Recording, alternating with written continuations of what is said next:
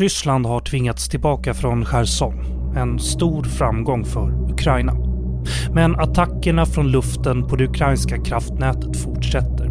Syftet är att knäcka den ukrainska civilbefolkning som troligtvis kommer få en tuff vinter utan elektricitet. WHO varnar för en humanitär katastrof. Andra bedömer det ryska tilltaget som ett krigsbrott. Men kommer ryssarna kunna knäcka den ukrainska viljan? Hur kommer vintern att påverka kriget på marken?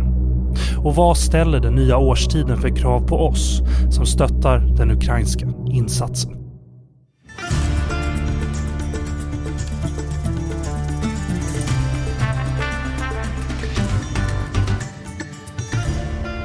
Du lyssnar på Utrikespolitiska institutets podd Utblick. Jag heter Jonas Lövenberg. I det här avsnittet ska vi ännu en gång prata om Rysslands anfallskrig i Ukraina. Vi ska ge en bild av läget men även försöka förstå vad vintern innebär för kriget och titta närmare på de ryska angreppen på den ukrainska civilbefolkningen. För att hjälpa mig och er att förstå det här bättre har jag med mig Johan Norberg, militär och Rysslands analytiker vid Totalförsvarets forskningsinstitut FOI. Välkommen Johan! Tack så mycket!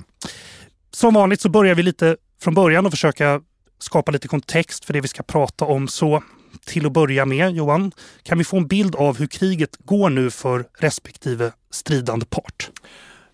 Mitt övergripande intryck är att ingen sida kan i nuläget avgöra militärt, mm. alltså hela kriget. Men nu kan man se att eh, om, om två månader så har ryssarna vunnit eller Ukraina vunnit. Jag, jag har svårt att se det. Utan det, man får komma ihåg att det är två styrkor som står mot varandra som har krigat nu i nio månader. På ett högintensivt sätt som jag tror väldigt få ens tänkte sig att ett modernt krig kunde vara innan det här brakade loss i, för nio månader sedan. Kriget började ju egentligen redan 2014, men den här stora skalan som, som vi ser nu. Just det, förlåt, jag bara, vi brukar, när ni experter pratar om det här så pratar ni om den fullskaliga invasionen ja. av Ukraina när vi kommer till det här eftersom man ju... Ja. Kriget har pågått sedan 2014, fullskalig invasion 2022. Just det. Man, om man tittar tillbaka på kriget nu så finns det ett antal faser och man kan snabbt gå igenom dem för att minnas hur det ja, var. Lite grann. Först försökte Ryssland göra en kupp, snabbt in, få Ukraina att falla ihop Mm. Ungefär som man gjorde på Krim. Just det.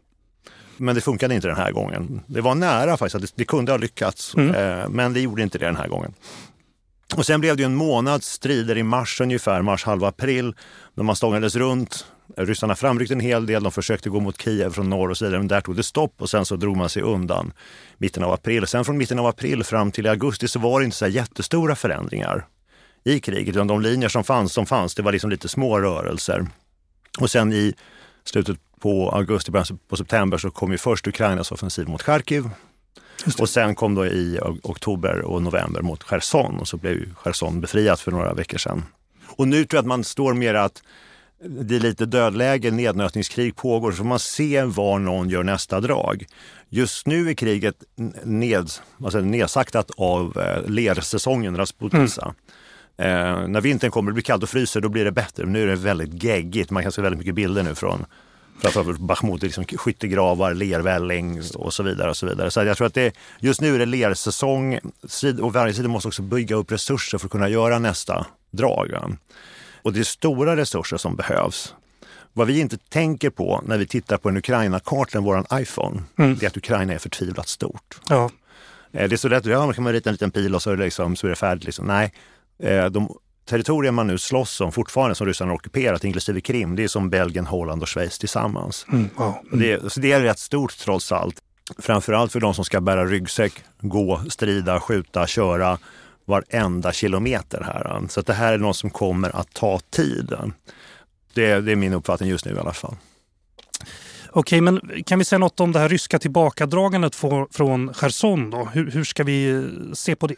Ja, Eller tillbakadragandet kallas det av ryssarna då ja, kanske? Tillbakadragandet, förlusten, kalla det vad som helst. Men det är onekligen en politisk förlust, en jättenesa för Ryssland. Alltså man annekterade några veckor, var det fem, sex veckor innan och sen så sen tog det slut. Så då, det ukrainska skämtet var kortare hållbarhet än Liz Truss eller något i den stilen. men jag, jag, det var ju, och, det, och på motsvarande sätt så var det en enorm framgång för Ukraina. Mm att kunna ta tillbaks det här så att säga. Det, I och med att det här var en del som Ryssland hade annekterat och kallat för sitt, mm. så bara kunde man ta tillbaks det.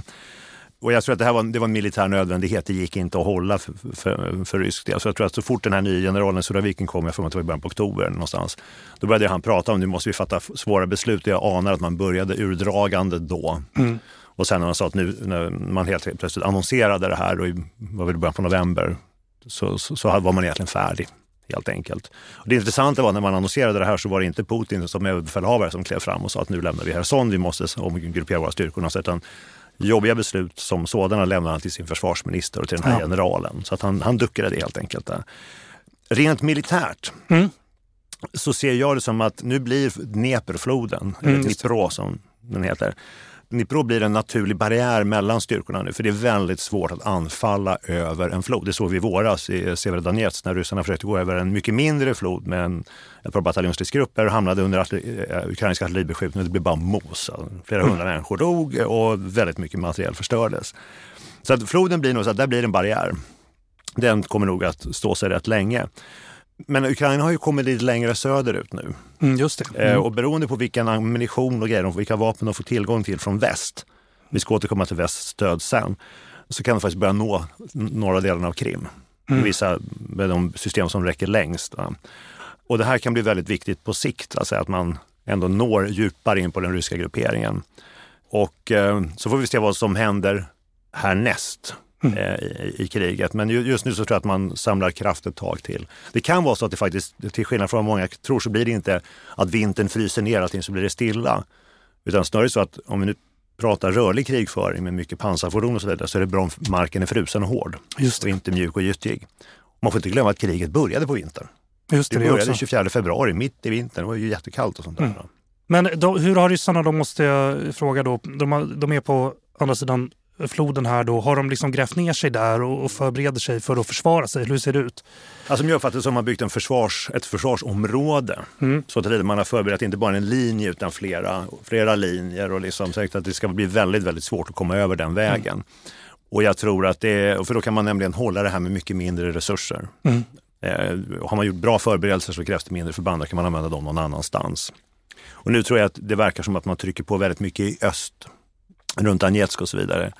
För att det är där man behöver vinna terräng för att kunna försörja sin operation längre söderut på ett bra sätt.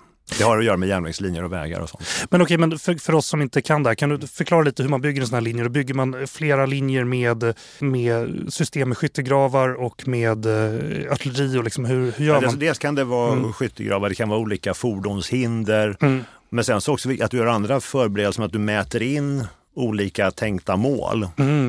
Mm. och förbereder det för ditt artilleri till exempel. Så att du inte behöver ha någon som går fram och tittar på målet och beskriver utan du har redan förberett det så du bara skickar koordinaterna till artilleripjäserna.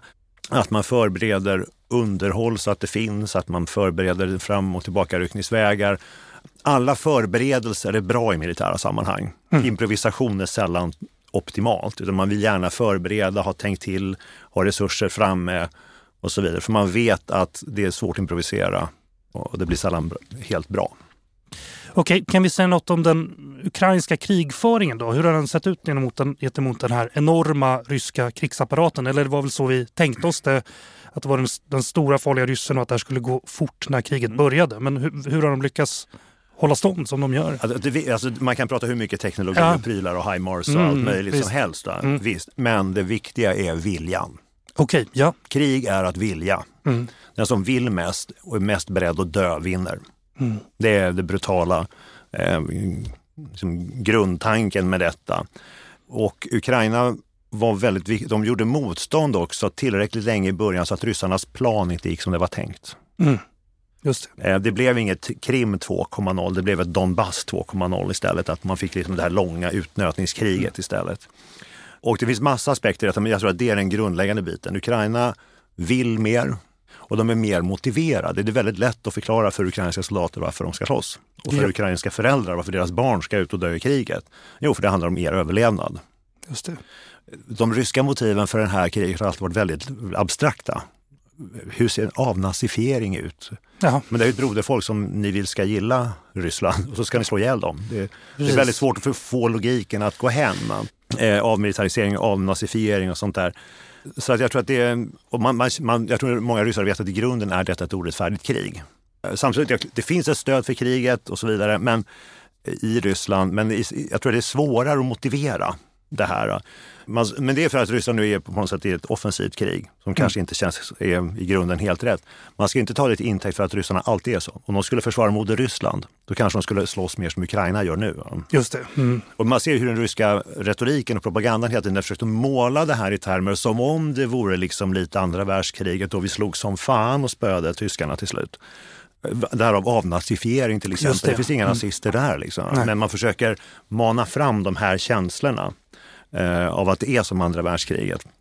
Sen har ukrainarna, alltså när kriget började så var det två, två liksom olika moderna sovjetarméer som brakade ihop med varandra. För mm. Ukraina hade ju mest sovjetisk materiell. Och, och naturligtvis hade ryssarna också. Det var ju framförallt på marxistkraften man har haft väldigt mycket gammal sovjetisk materiell. Um, det, vi tycker att det ser omodernt ut. För det är inte den senaste versionen av Leopardstridsvagnen 2A7 eh, eller vad den nu heter, så att säga, utan en gammal moddad T72. Men som en rysk analytiker sa till mig för länge sedan, Johan, old tanks also kill. Det behöver inte vara så modernt och piffigt hela tiden. Vi, vi är liksom funtade så i väst, men det är inte ryssar, inte ukrainare. Utan man tager det man haver och så kör man. Liksom. Det är lite Kajsa Warg-kriget, nu brakar man ihop. Sen har ju de här grejerna tagit slut. Just det. Mm. Och då har då blivit avgörande för Ryssland har väldigt mycket gamla saker i förråd. Och det är det man ser nu. Nu kommer allt äldre saker mm. fram i kriget. Gamla raketer? Och... Gamla, det senaste jag såg var en, en artilleripjäs D1, 152 mm, anno mm. 1943. Oj då. Mm. Ja. Men den skjuter fortfarande. Ja. Den är lite långsammare, man måste manuelladda och sånt där. Men den funkar. Och, den är, och all, alla, alla artilleripjäser är bättre än inga artilleripjäser, alltså, även om de är gamla. Samma med, med pansarfordon och så. Ukraina däremot, de har ju gradvis fått ta emot väldigt mycket hjälp, från, inte väldigt mycket, men hjälp från väst. Och den är ju helt avgörande nu. I början var det ju väldigt mycket här, ta 5000 pansarskott och skjut ungefär. Det mm. kräver inte så mycket utbildning, men du får heller ingen större effekt på systemnivå, utan du behöver ja, men ordentligt artilleri, ordentligt luftvärn. Det vi väntar på nu är liksom får de egentligen ordentliga stridsvagnar helt enkelt, så att du kan ha den här rörelsen på marken framåt. Det verkar inte vara riktigt där än. Men vad ukrainarna har varit väldigt duktiga på, dels är du i krig så är du tvungen att vara jävligt duktig, annars dör du. Jo, jo. Men de har haft en stor försvarsindustri, de har haft stora väpnade styrkor, flera hundratusen man. Och de har varit i krig i åtta år. Så det, det är ett folk så är det som åtminstone en armé som vet hur man krigar. Mm. Och då har man också en förmåga att snabbt lära sig. Här kommer ett nytt luftvärnssystem. Jaha, då gör vi så här. Eh, du, gammal luftvärnskille, kom hit. Eh, så här gjorde du förr. Kan du sköta den här om du får två veckor? Ja, det kan jag. Så kör man ungefär. Men så man, man, man, improviserar. Men, men det här är väl en stor skillnad då från när ryssarna klev in i Krim. Att nu så har man mm. en armé full av veteraner och eh, befäl på marken som kan ta hand om sin, sitt manskap och sånt där. Är det inte? Ja, på ett helt annat sätt. Och ja. Dessutom tror jag att en väldigt viktig skillnad mellan den, den ryska och den ukrainska armén, om man tänker tillbaka till 2014. Arméer lär sig väldigt sällan av sina framgångar. Mm. Däremot så lär man sig väldigt snabbt och hårt av nederlag. Och det gick ju väldigt bra för ryssarna 2014. Just det. det gick åt helvete för Ukraina. Mm. Vilka lärde sig mest? Ja, Ukraina. Och, och då är man helt plötsligt också formbar. Så nu kan vi ändra på oss. Vi kan inte hålla på som vi alltid har gjort. För då går vi under. Och sen har man haft åtta år på sig att testa det här om och om, om igen mm. i Donbass. Och det här är också en väldigt viktig grej för oss att se när vi tittar på oss själva. Att man, man lär sig inte när, man, när det går bra ja, i de här det. sammanhangen. Det är när det går dåligt. Hur upprätthåller vi vår vilja om vi ska slåss? och så vidare. och så vidare. Men det är en helt annan diskussion. Ja, ja. Vi kallar oss av kriget. Det, mm. det, kan vi ha en annan sändning om. Ja, det låter väldigt spännande det med. Ja. Nej, men får jag bara fråga, är det inte också så, det finns väl, det går tydligt att titta på hur den ryska krigföringen utvecklas efter stora nederlag och sånt där, är det inte mm. så? Jo, men ja, precis. Att, och det kan ju vara så att de på sikt kommer lära sig av det här, eller det kommer de att göra. Ja. Sen är frågan hur, vad som sen uppstår när det här kriget är över, för det kommer att ta slut någon gång. Ja. Sen vet jag inte om det kommer ta två månader, två år eller två decennier till. Det är väldigt svårt att säga, mm. tycker jag. Jag menar, spela tillbaka bandet till hösten 2001, den snabba operationen mot talibanerna i Afghanistan. Wham sa det så var de borta på några veckor när amerikanerna hade bestämt sig. Mm. Ja, efter 20 års krig där så var talibanerna tillbaka. Så, så ja. vi har väldigt, väldigt svårt att förutsäga vad sådana här saker tar vägen. Vi måste också prata om hur kriget går i opinionen mm. på något vis. här. Alltså, hur ser Putins stöd ut hemma? Vi har varit inne på det lite. Ja. Vi såg här om veckan, han har suttit med på så mors dag i Ryssland med massa mödrar och sånt där till, till stridande. Och sen undrar jag förstås hur, hur Zelenskyjs stöd ser ut i världen som väl verkar se hyfsat ut. Ja. Vad, vad, säger du? Ja, alltså, jag, jag, är inte någon stor politolog på det sättet. Nej, säga. Visst, men, men... Jag, jag tror att än så länge är Putins stöd tillräckligt. Ja, Okay. för att fortsätta. Det är naturligtvis finns det kontroverser och det finns eh, massa andra åsikter och det finns en motvilja mot kriget. Men det finns ingen politisk opposition att tala om. Den är ju i exil eller i fängelse. Just det. Och uttrycker man någonting nu så är ju repressionen så hård så att det är faktiskt farligt på riktigt att uttrycka en avvikande mening. Mm. Är du man så blir du tagen av polisen och åker till fronten. Och är du kvinna så kan du hamna i, i fängelse. Så jag tror att det så att det egentliga stödet kan nog inte ens Putin och Kreml veta om.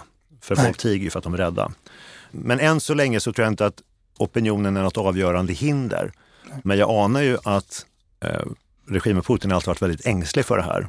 För rent militärt, om man hade sagt att nu ska vi vinna över Ukraina militärt och så har vi den här kuppidén, går det så är det jättebra, klart på en vecka, oj nu gick inte det. Nu blev det ett stort krig och en stor invasion och så hade man inte riktigt förberett sig för det. Hade man tänkt militärt, då hade man mobiliserat i mars och tryckt in den andra vågen soldater i Ukraina i april, då hade Ukraina haft väldigt svårt att hålla emot tror jag. Mm. Varför gjorde man inte det då? Jo, för man visste att en mobilisering inte skulle vara populär i Ryssland. För nu, än så länge, fram till det här mobiliseringsbeslutet i september, då kunde de flesta ryssar så att säga, skjuta det här kriget ifrån sig. Det är, det är, inte min sak, det är något annat långt där borta. Det är på tv, jag behöver inte bry mig, jag behöver inte ta ansvar för. Men som en rysk kommentator sa, när man gjorde det här mobiliseringsbeslutet, då sparkar man in dörren i varenda ryskt hem. För nu kan just du behöva åka till fronten. Och då är det svårare att liksom värja sig för många ryssar. Och jag tror att det, man, man, kan se det väldigt tydligt på, på eh, opinionsmätningar av oro i samhället. Den stack upp som en pil i september. Just det, det är väl många som också har lämnat landet på grund ja, av, av det här. Det är också tecken ja. på motvilja. Jag måste bara fråga, det, här, det är ju inte en fullskalig mobilisering, eller hur? Det är någon sån här del, alltså vad, bara, kan du förklara ja. kort, vad, Men, går det att säga något om det? Alltså här, det, det är också något väldigt underligt med, återigen det här lite halvhjärtade, konstiga, ja. otydliga som jag har lite svårt att förstå. Men jag anar att det finns en politisk dimension ja. det. Är, de säger att det är en partiell mobilisering mm. och man säger att den berör, det skulle vara 300 000 man. Och man har sagt att man har uppnått det målet. Så finns det de som säger att fick bara ihop 100 000 eller hälften eller något i den stilen. Jag tror att det här kriget är så stort. Vi pratar om hur stora territorier, hur stor den ukrainska armén är och så vidare. Så det kommer fortsätta behöva, eller det kommer även fortsättningsvis behöva mer soldater. Mm. Så det finns en ukas, alltså ett presidentdekret som sätter igång mobiliseringen. Mm. Men det finns ingenting som dekret som avslutar den. Mm. Eh, om nu körde man mobilisering september, oktober och sen så nu november, december så är det värnpliktsinkallelser. För man har värnpliktsinkallelser, ungefär 100-120 000 unga män på våren och på hösten respektive. Då. Alltså 240 000 per år. De kommer in nu.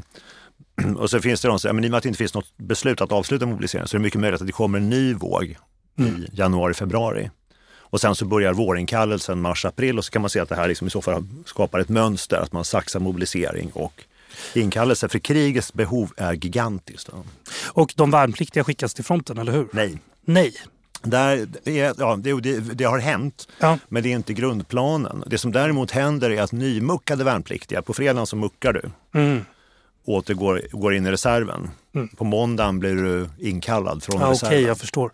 Så att man skickar inte värnpliktiga och det är ju väldigt känsligt i Ryssland sen åtminstone jag tror sen Afghanistankriget började och sen var det mm. även i Tjetjenienkriget när man skickade värnpliktiga mm. rakt in i, i kriget. Det har man försökt att undvika nu för det är också en väldigt känslig punkt. Det har hänt och det hände i vintras. Det fanns ju rapporter om värnpliktiga som trodde att de var på övning och helt plötsligt så var de under beskjutning i Ukraina. Just det, det var det jag tänkte på. Här. Ja. Så att, men jag tror inte att det är huvudansatsen. Det finns Nej. sådana fall.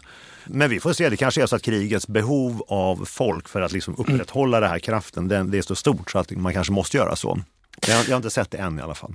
Kan vi säga något kort om, om Zelenskyjs stöd här, även om vi, vi kanske det verkar uppenbart att det är stort. Men något... Jag tror att han, är, han är uppenbarligen ett, ett, jag tror han har ett, ett väldigt starkt stöd eh, i Ukraina och i väst, det är väldigt tydligt. Ja. Samtidigt så är det viktiga är inte hur, hur stort stöd han har nu, utan hur länge det håller. Ja, just mm. För det här är, om det här som jag tror är ett utnötningskrig, mm. då är ju liksom uthålligheten i stöd det viktigaste och jag tror mm. framför allt i väst.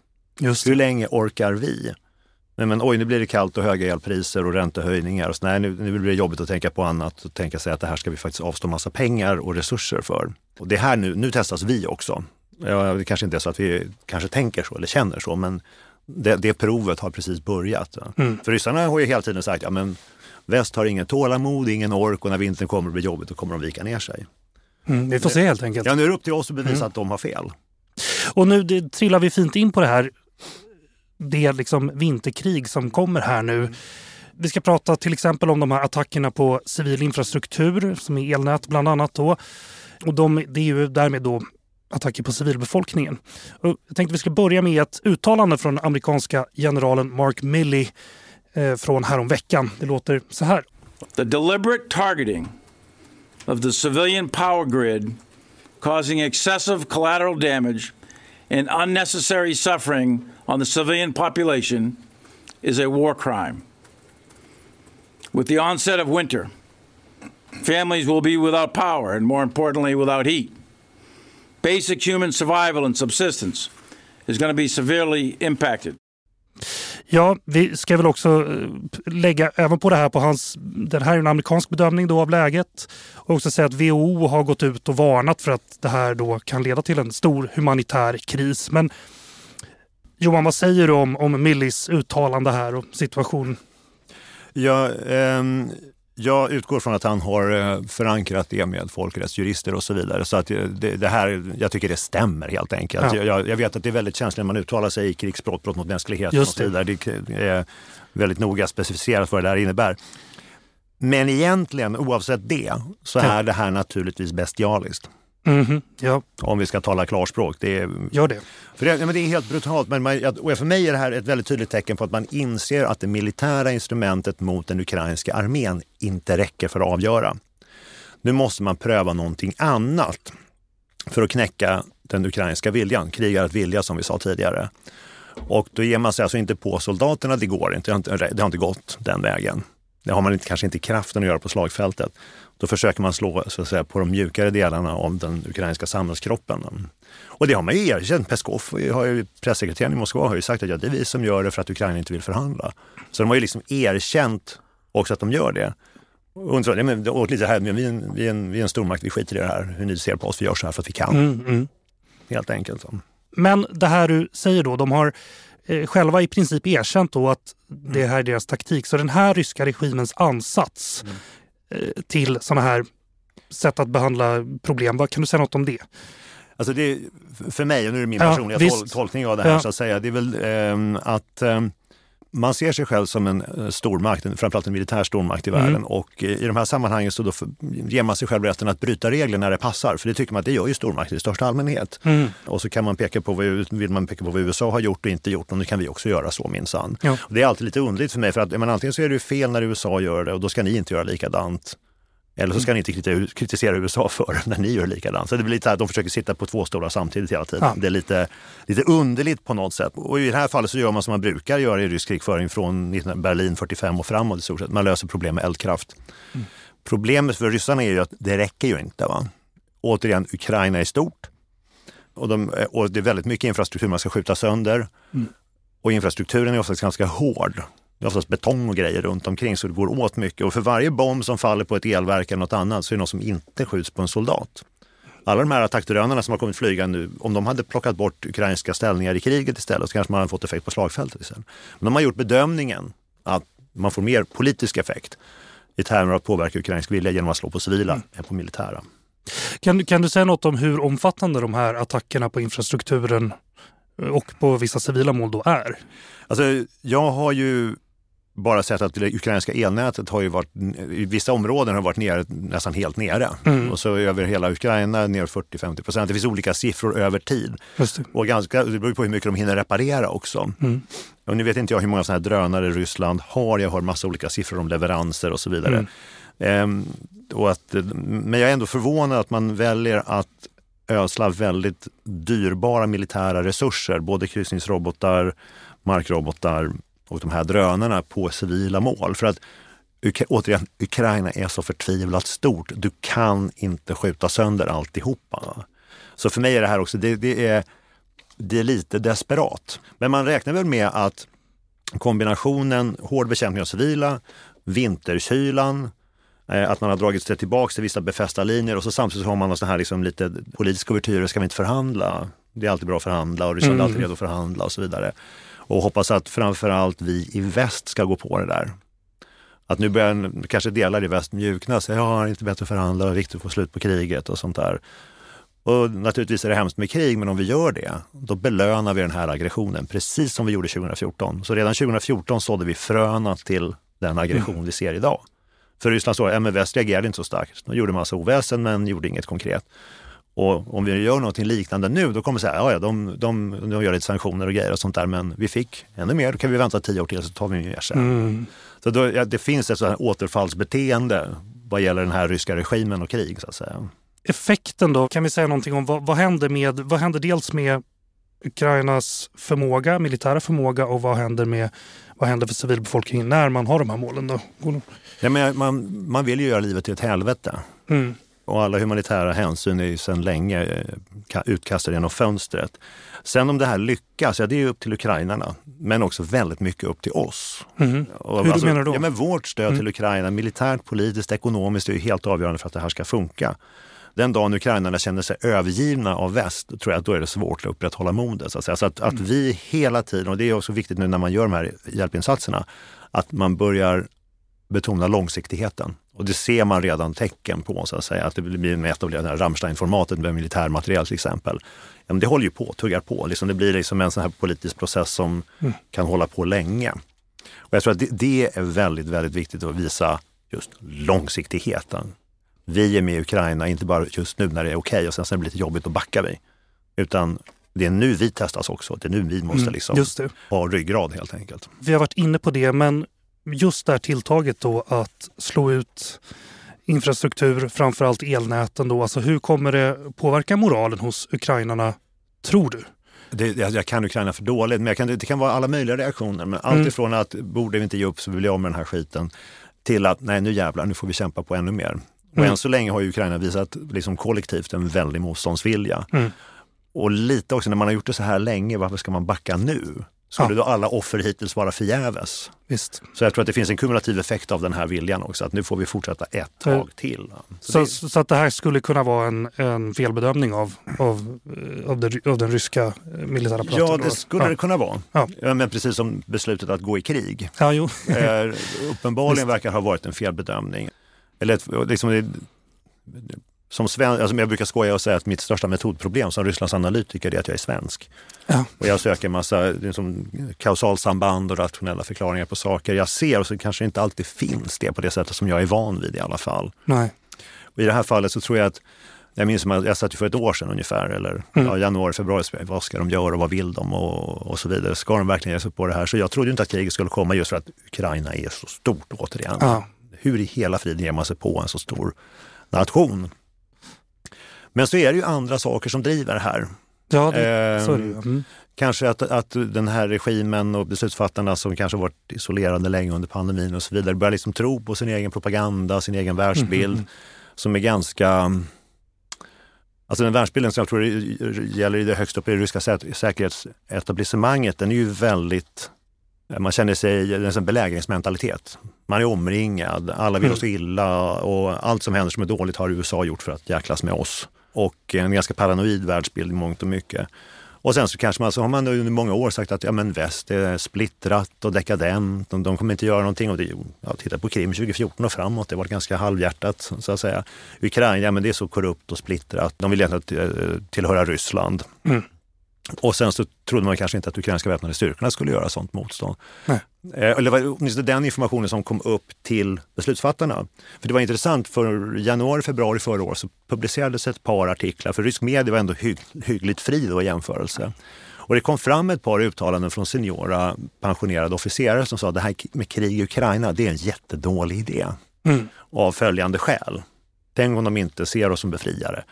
Det är väldigt stort. Har vi verkligen resurserna för att klara av det här? Men de, så det är inte så att ryssarna inte kan tänka de tankarna. Så de fanns där, men de kom inte upp till beslutsfattarna, som jag har förstått det. Och så fattar man det här beslutet, att gå i krig. När du och dina kollegor funderade på det här, man funderar väl också på om det var så att Ryssland skulle bara ta ett nytt område i Ukraina sånt där istället för att ge sig på hela landet. Mm. Då, det kanske hade gått annorlunda då, eller vad, kan man säga något om det? Eller? Alltså det där kan vi ju bara spekulera. Ja, visst. Men eh, jag, liksom, det var ju väldigt tydligt att Ryssland vill styra över Ukraina på något sätt. Mm. Det inte betyda, men vi för ett år sedan då satt vi och resonerade om att man kanske inte behöver ockupera hela landet. Det räcker med att det sitter en lydig marionettregim i, i Kiev och så vidare. Och jag tror väl att, vissa, jag, jag minns resonemanget, ja, men det kanske räcker med att de annekterar Donbassområdet som det då var krig i. Mm. De här separatistområdena som ryssarna hävdar som det var deras liksom, marionetter som krigade där.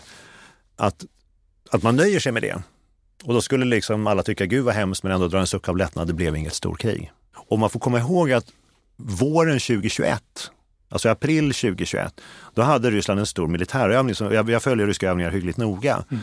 Och hade helt plötsligt en väldigt så, ovanlig sorts övning för att vara april, den delen av säsongen. Så man bullade upp med och sa att nu kommer 300 000 man storövning gränsen Ukraina. Oj, det här var lite ovanligt. Och då var det så här, vad kommer de att trycka till nu eller inte? Men så backade de mm. efter någon månad ungefär. Och det var ju det jag trodde skulle hända igen, för det har de ju faktiskt gjort bara 8-9 månader innan, eller ja, 9 månader, 10 månader innan. Att, så den här vintern då, 22, att man bygger upp, hotar, skräms och sen skulle man backa. Mm. Jag blev också förvånad för jag tänkte att ryssarna, eller den ryska regimen har klagat länge över att vi i väst inte lyssnar. I decennier har varit klagomål att Ryssland inte får spela den, liksom ha sin rättmätiga plats i världen och så vidare. Och så mm, vidare. Mm. Och så tänkte jag just de här veckorna i mitten på februari där, nu har de allt. Så hela världen står och lyssnar på nästa pressmeddelande från Kreml. Vad ska mm. de säga? Hur andas de? Hur ser det ut? Så att säga. Vi var ju så, så pålyssnade på vad händer? Vad ska Moskva säga? Och liksom statsöverhuvuden reste, eller statschefer reste fram och tillbaka till Moskva. Och verkligen, här är en viktig stat i världen. Och då var inte så mycket sanktioner, väpnade styrkorna intakta och en enorm prestige i världen. Så de hade ju allt mm. som de egentligen hade velat ha. Och så tänkte jag, det här var ju jävligt smart spelat och så behöver ni inte kriga. Och sen börjar de kriga. Och där kände jag, okej, okay, jag som svensk är felfuntad för att tänka på det här okay. helt enkelt. Ja. Men, men det, det, det är kanske en annan... Ja, det, men det är spännande ändå att förstå sig på oförutsägbarheten, att mm. den hela tiden finns. Vi har pratat om att det kan bli riktigt jävligt för civilbefolkningen. Men vad förändras på slagfälten när vintern kommer? Du har ju pratat om att det är elevsäsong nu och att det fryser sen. Alltså vad, vad händer när det blir vinter? Jag tror, jag tror att vintern, för det första är den ju lika kall för båda sidor. Mm. Så allting handlar om hur väl förberedd du är. Har du rätt utrustning? Har du lärt dig hur du ska hantera saker och ting? Naturligtvis går det långsammare på vintern. Ja, men är det minus 20 grader så om man har massa kläder på sig så ja, men det blir svårare helt enkelt. Men det stoppar inte kriget. Och som vi nämnde tidigare, kriget började på vintern. Det var inget mm. hinder för att braka på för rysk del till exempel och för Ukraina att bedriva försvarsstrid. Och nu får vi se här lite, för jag tror båda sidor har, alltså har ju förbrukats massa utrustning från förra, under förra vintern. Det har förbrukats massa personal som var utbildad och så vidare. Så att jag tror vi ser två sämre rustade styrkor än kanske förra vintern. Kanske, ja, det är lite svårt att säga, men återigen, det beror på vilka, för Ukrains del vilka grejer som väst skickar. Och från rysk del var de kan få fram mobbförråd och så vidare. Mm. Och där finns det ju, det här blir ett stickspår men ändå till en viktig poäng. Det finns ju väldigt mycket anekdoter som man ser i sociala medier om hur dåligt det har gått med den ryska mobiliseringen. De får ingen utrustning, de får inga vapen, de får ingen mat, de får ingen utbildning, de skickas direkt till fronten och, och så vidare. Och, och, det är samma med den ryska operationen. Det var problem med ledning, logistik, eh, ledarskap, moral, vilja, korruption, alltså, massor helt enkelt. Men likväl fortsätter den ryska operationen. Hur många andra arméer hade orkat kriga nio månader med de här problemen? Men, så att jag tror nämligen, min poäng är den att i och med att många av oss sympatiserar med Ukraina så ser vi gärna den typen av nyheter som pekar på att det går dåligt för Ryssland mm. och bra för Ukraina. Ukraina behöver också upprätthålla en bild av framgång för att vi ska stödja dem, fortsätta stödja. Men problemet är att det kanske finns saker som händer i Ryssland som går bra, som vi inte ser. Och när vi ser dem så tänker vi, äh, det är bara propaganda. Just det. Men någonting gör att den ryska operationen fortsätter och tugga på. Mm. Och jag tror att mobiliseringen också genererar en del resurser som inte är militärt värdelösa, även om de kanske inte är tipptopp och jättepiffiga. Men det är bättre än ingenting, helt enkelt. Och jag tror att det, och det, jag tror att i det här hänseendet vad gäller vintern nu så det blir ett problem naturligtvis, men kriget kommer ändå att fortsätta. Och som sagt, om det blir kallt och man får bättre rörlighet för fordon och så, då kan det också bli nya rörelser i frontlinjen. Mm. Ja, vi har ju pratat om det, men bara för tydlighetens skull. Då, hur beroende är Ukraina av stödet utifrån? Och så undrar jag också, påverkas det något av årstiden? Ukraina är ja, nästan helt beroende av stöd utifrån. Så det är väldigt, väldigt viktigt. Och det är dessutom helt oberoende av, av årstiden. Okay. Mm. Utan det här är ju något, ja, men om det här kommer att hålla på i flera år, vilket jag tror att det kan göra, då kommer det att komma att gå flera årstider. Just det. Så att, jag tror att vi, vi låser väldigt rätt på den här vinterfaktorn. Mm. Det kanske var att vi är oroade för vår vinter. Ja, naturligtvis, att det finns en, och naturligtvis finns det ett, ett stundande liksom smärre helsike för civila i, i Ukraina. Mm. Men vi ska inte hänga upp oss på det utan det viktiga är att stödet fortsätter. Mm. Vi ser också en ökad närvaro från USA här, eller i Europa i varje fall. Bland annat så har en andra Battle Group anlänt till Europa tillsammans med hangarfartyget Gerald Ford, Gerald R. Ford, som är världens största eh, och kanske modernaste av sitt slag. Då. USS George Bush och hennes Battle Group har redan befunnit sig i Europa ett tag. 101st Airborne, det vill säga fallskärms, amerikanska fallskärmstrupper, befinner sig i Rumänien just nu och är väl då i princip beredda att slåss om det skulle behövas. Alltså vad innebär den här amerikanska ökade närvaron? Jag är ingen stor eh, analytiker av Amerika, men det är väldigt tydligt att man, man Mm. med de här framflyttningarna visar att vi tar den här situationen på allvar. Just. Mm. Och man kan säga att det är en del av ett övergripande eh, säkerhets och militärstrategiskt kroppsspråk. Okej. Mm. Att man liksom inte bara sitter och väntar och ser orolig ut och, utan man faktiskt re, liksom rätar på ryggraden och Mm. lutar sig framåt lite. Sen vad det här skulle innebära i ett krig, gud förbjude, mellan Ryssland och NATO, det är, en, det är en annan sak. Men jag tror att man dels visar Ryssland att vi är framåtlutade. Man visar sina allierade i NATO att vi, vi finns här. Mm. NATO, eller USA är ju den avgörande militära makten i NATO. Så att det, det är väldigt viktigt och det är för att kunna hålla ihop NATO Mm. och visa att det finns en substans i NATO. Så jag tror att man gör så här. Men och, för oss som inte, eller jag har lite koll på det eftersom jag har ställt frågan tänker jag, men en sån här battle group, alltså ett, det som omger ett hangarfartyg och sådär, vad, vad har man för räckvidd på en sån, eh, liksom, vad, finns det för, vad är det för kapacitet man åker runt med här? Ja, alltså det är jag tror att det är en sån här hangarfartygsgrupp, det är ju det själva stora hangarfartyget. Ja, Eh, och det har massa fartyg runt omkring som skyddar. Ja. Både under ytan, på ytan och sen också i luften. För att ett stort hangarfartyg är ett jättefett mål. ja, Men det det framförallt har, det är att det, har med sig ett, ett, ett, ett antal stridsflygplan. Mm. Som oftast, vad du kan göra, du kan projicera hård militärmakt. Kort och gott, du kan flyga och bomba och skjuta sönder saker långt bort. just det. Och sen så är ju det bara en komponent om du ska bedriva krig. Men det är ju en väldigt tydlig markering att här har vi väldigt mycket eldkraft med oss. Just det. Och det här har ju amerikanerna visat om och om igen att de kan använda på olika sätt i olika sammanhang. va. I Mellanöstern, Afghanistan och så vidare. Så att man, är, man är van att liksom flytta runt den här typen av resurser. Mm. Och eh, jag tror att det är något som, som ryssarna noterar också. Mm. Ja. Eh, men jag, jag, samtidigt tror jag att det, det är ett sätt också att försöka avskräcka Ryssland. Att inte hitta på något annat och få det här kriget att sprida sig på något sätt. Att man vill, att, jag tror egentligen vare sig Ryssland eller NATO vill ha ett krig. Alltså mellan, mellan Ryssland och NATO. Mm. Men och det här är ett sätt också att visa det med sitt kroppsspråk. Men och så- och det här leder ju in på nästa fråga där. Alltså det, det slog ju ner en, en, en robot i eh, Polen av misstag verkar det som här om veckan. Och det sägs då att det är en ukrainsk luftvärnsrobot som har hamnat på villovägar. Något som Zelensky har sagt, som han säger att det- så är det inte för han litar på sina eh, underordnade där som säger att det inte är så, påstår han. Men då väst har väl analyserat det som att det är så. Det är en balansgång här. Det är klart att det är problem att det slår ner grejer i Polen och Polen har också uttryckt sig som att så här, ja, men vi förstår att det här kan hända. Så alltså, kan du säga något om den här, de här olika uttalanden och den här balansgången? Vad, vad, varför är det så här? Ja, alltså jag, jag kommer ihåg att jag blev förvånad när det här hände. Mm. Jag kan säga att jag vet ju inte, jag har inte sett några tekniska utvärderingar och även om jag såg dem skulle ha svårt att kanske kunna förstå dem, humani, humanist som jag är. Men jag minns ju att när det hände så var ju första bilden som fanns de första timmarna var att det här är en, en rysk robot som har blivit påskjuten från ukrainsk luftvärd och sen hamnat fel. Att det var en rysk robot som avfyrades. Och det hade ju varit liksom en väldigt, väldigt svår sak för NATO att hantera, kan jag tänka mig. Just det att det slår ner I ryska Det- slår ner robotar i Polen. robot ja. i Polen. Ja. Sen så kom vi redan vid lunchtid dagen därpå så var ju uttalandet, det var ukrainsk robot men det är Rysslands fel. Just det. Det var liksom essensen av NATOs talepunkt. Och, jag, och sen så vet jag att Ukraina protesterade mot detta. Och jag stod bara med frågan, ja, men vad var det som hände egentligen? Det vet jag inte. Jag ser ju bara att här, de här uttalandena finns. Mm. Men jag, jag anar ju att man ville liksom försöka tona ner det här. Mm. Att ingen ville ha den här eskalationen.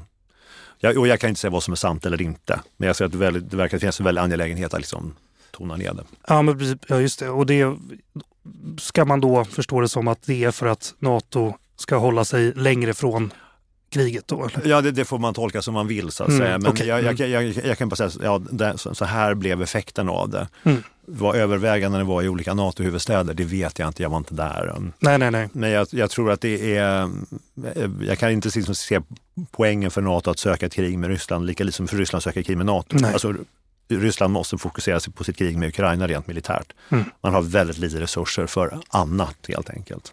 Kan vi säga något överlag om hur, hur det internationella samfundet fungerar idag här i ljuset av Ukraina?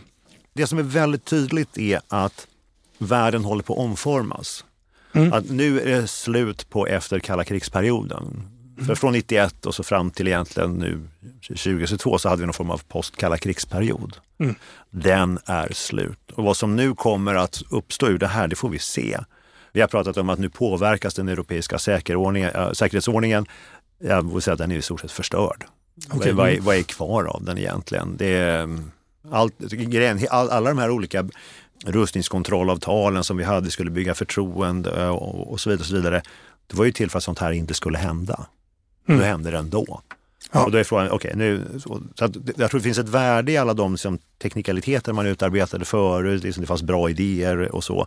Men just nu är den politiska viljan för att bygga, upprätthålla och driva sådana här saker tror jag är ganska låg. Så att säga. Det, här kriget som pågår, det, är liksom, det kanske låter cyniskt att säga, men det måste liksom få ha sin gång Mm. innan en ny säkerhetsordning kan komma. Just det, vi Komma vet till inte ens vad, vad, vad Ryssland kommer vara efter Ja. det här och, Nej, och så vidare. Om man, om man tänker sig alla de här problemen vi ser nu, bekämpning av civilbefolkning och, och så vidare. Och så vidare det, jag har ju väldigt svårt att se något annat sätt att få stopp på det annat än att Ukraina vinner.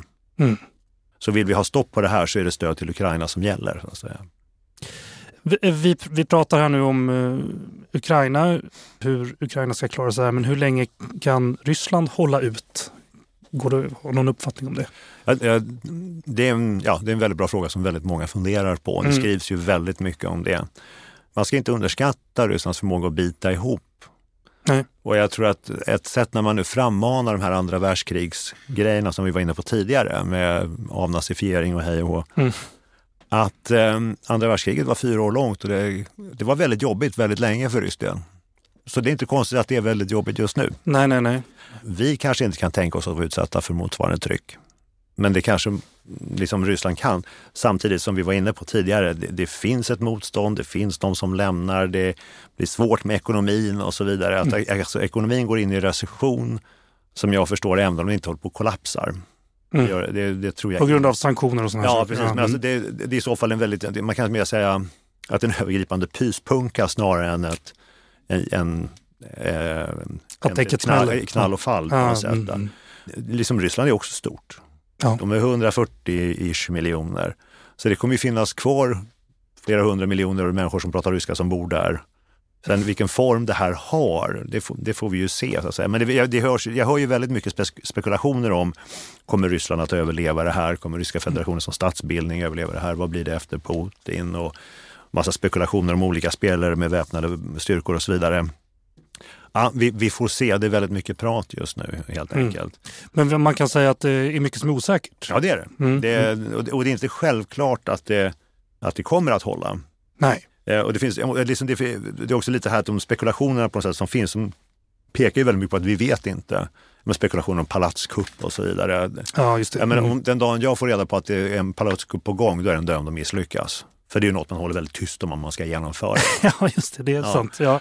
Och det här att det ryska folket ska resa sig och så, ja jo, det kan ju ske, men det är lätt för oss att säga här. Varför reser de sig inte i en proteströrelse mot Putin? Jo, det, men vi vet ju inte riktigt vilket pris de betalar för det. Nej. Eh, vi har ju aldrig upplevt eh, förtryck på det sättet. Men så här, vi, vi vet inte hur länge Ryssland kan hålla ut. Nej. Ehm, och samtidigt, är, svaret på den frågan finns ju delvis hos oss själva. Krig är ju en interaktion mellan Ja. två parter som påverkar varandra. Mm. Om vi slutar stödja Ukraina, ja, då kommer ju Ryssland kunna hålla ut längre. Just det. Då får ju de överhanden. Då behöver de inte samma ansträngning. Fortsätter vi så blir det här tyngre för Ryssland. Så det är, det är lätt att bara liksom försöka titta på Ryssland isolerat. Men det finns ju ett större sammanhang där vi är en del av sammanhanget i väst. Vintern då kommer, det kommer bli tuffare, men tror du att vi kommer se ökade flyktingströmmar från Ukraina då under vintern? Ja, det är inte omöjligt. och nu, nu, nu ska jag inte svära på det här, men något Nej. som har liksom kommit förbi mina ögon här, det är, det är ju uttalanden om att eh, om ukrainare kan lämna eh, stress, alltså, områden under tryck eller alltså, Mm. Flytta ut till sin dacha om det finns värme. i Så att man liksom ber folk att flytta på sig ett tag för att minska trycket på samhällsinfrastrukturen. Mm. Och så det är inte omöjligt att det kommer fler flyktingar. Då, då får hoppas jag att Europa har liksom den geopolitiska uthålligheten att ta emot dem helt enkelt. Bara för att det här är ju också i vårt intresse att Ukraina inte kollapsar. Och vad innebär det här kriget för Sveriges framtida säkerhetspolitik? Då? Kan du säga något om det? Ja, vårt säkerhetspolitiska läge är ju på ett sätt mer pressat nu att vi har ett väldigt tydligt aggressivt Ryssland Mm. bredvid oss. Vi har vår väg in i NATO, den, den, ja, den, den tar den tid den tar. Den, är färdig när den är klar helt enkelt. Eh, Så att eh, på ett sätt har ju vårt läge försämrats med tanke på Ryssland men det är också stärkts med att vi nu, går med i NATO och det är med på ett väldigt tydligt sätt. Mm. Tidigare har Sverige haft det här lite väldigt nära förhållandet men ändå inte riktigt. Hade jag varit rysk analytiker och suttit i Moskva och tittat på Sverige så hade jag sagt jo, jo ni, ni svenskar ni pratar så mycket om hur ni ska vara alliansfria men ni samarbetar jättenära med NATO. Det är, det är övningar, det är skarpa operationer, det är försvarsindustri, det är organisationsprinciper och så vidare i, Försvarsmakten till exempel, att man bygger väldigt mycket med NATO-standarder och så. Så ni är ju väldigt nära egentligen. Mm. Och nu, nu, är, nu, är vi liksom, nu är vi på väg mer tydligt. Mm. Eh, så jag tror att på så sätt har det blivit eh, Sverige med en större kontext på ett tydligt sätt och det tror jag är bra. Finns det någon risk att det här kriget spiller över gränsen från Ukraina till något annat land? Skulle det innebära Ja det, ja, det gör det ju. Jag Ja. tror den här robotincidenten i Polen visar det. Att det Ja, finns det, en, det. en väldig oro för det. Och vad det innebär, ja det vet gudarna. Men alltså ett, större krig som eskalerar, man pratar om horisontell eskalation, alltså att fler Mm. länder blir Mm. inblandade. ja, det blir ju att eh, eländet sprids. Det innebär ju också att det kanske också blir en, en vad man kallar för vertikal eskalation, nämligen med massförstörelsevapen. Mm, mm, mm. Eh, För jag tror att rent militärt så är jag väldigt svårt att se att Ryssland skulle kunna klämma fram mer resurser för ytterligare ett stort krig. Framförallt på marksidan. Rysslands flyg och framförallt marinstridskrafter är ju mer intakta än Mm. vad markstridskrafterna är. Det har varit markstridskrafterna som har tagit den stora smällen i det här kriget.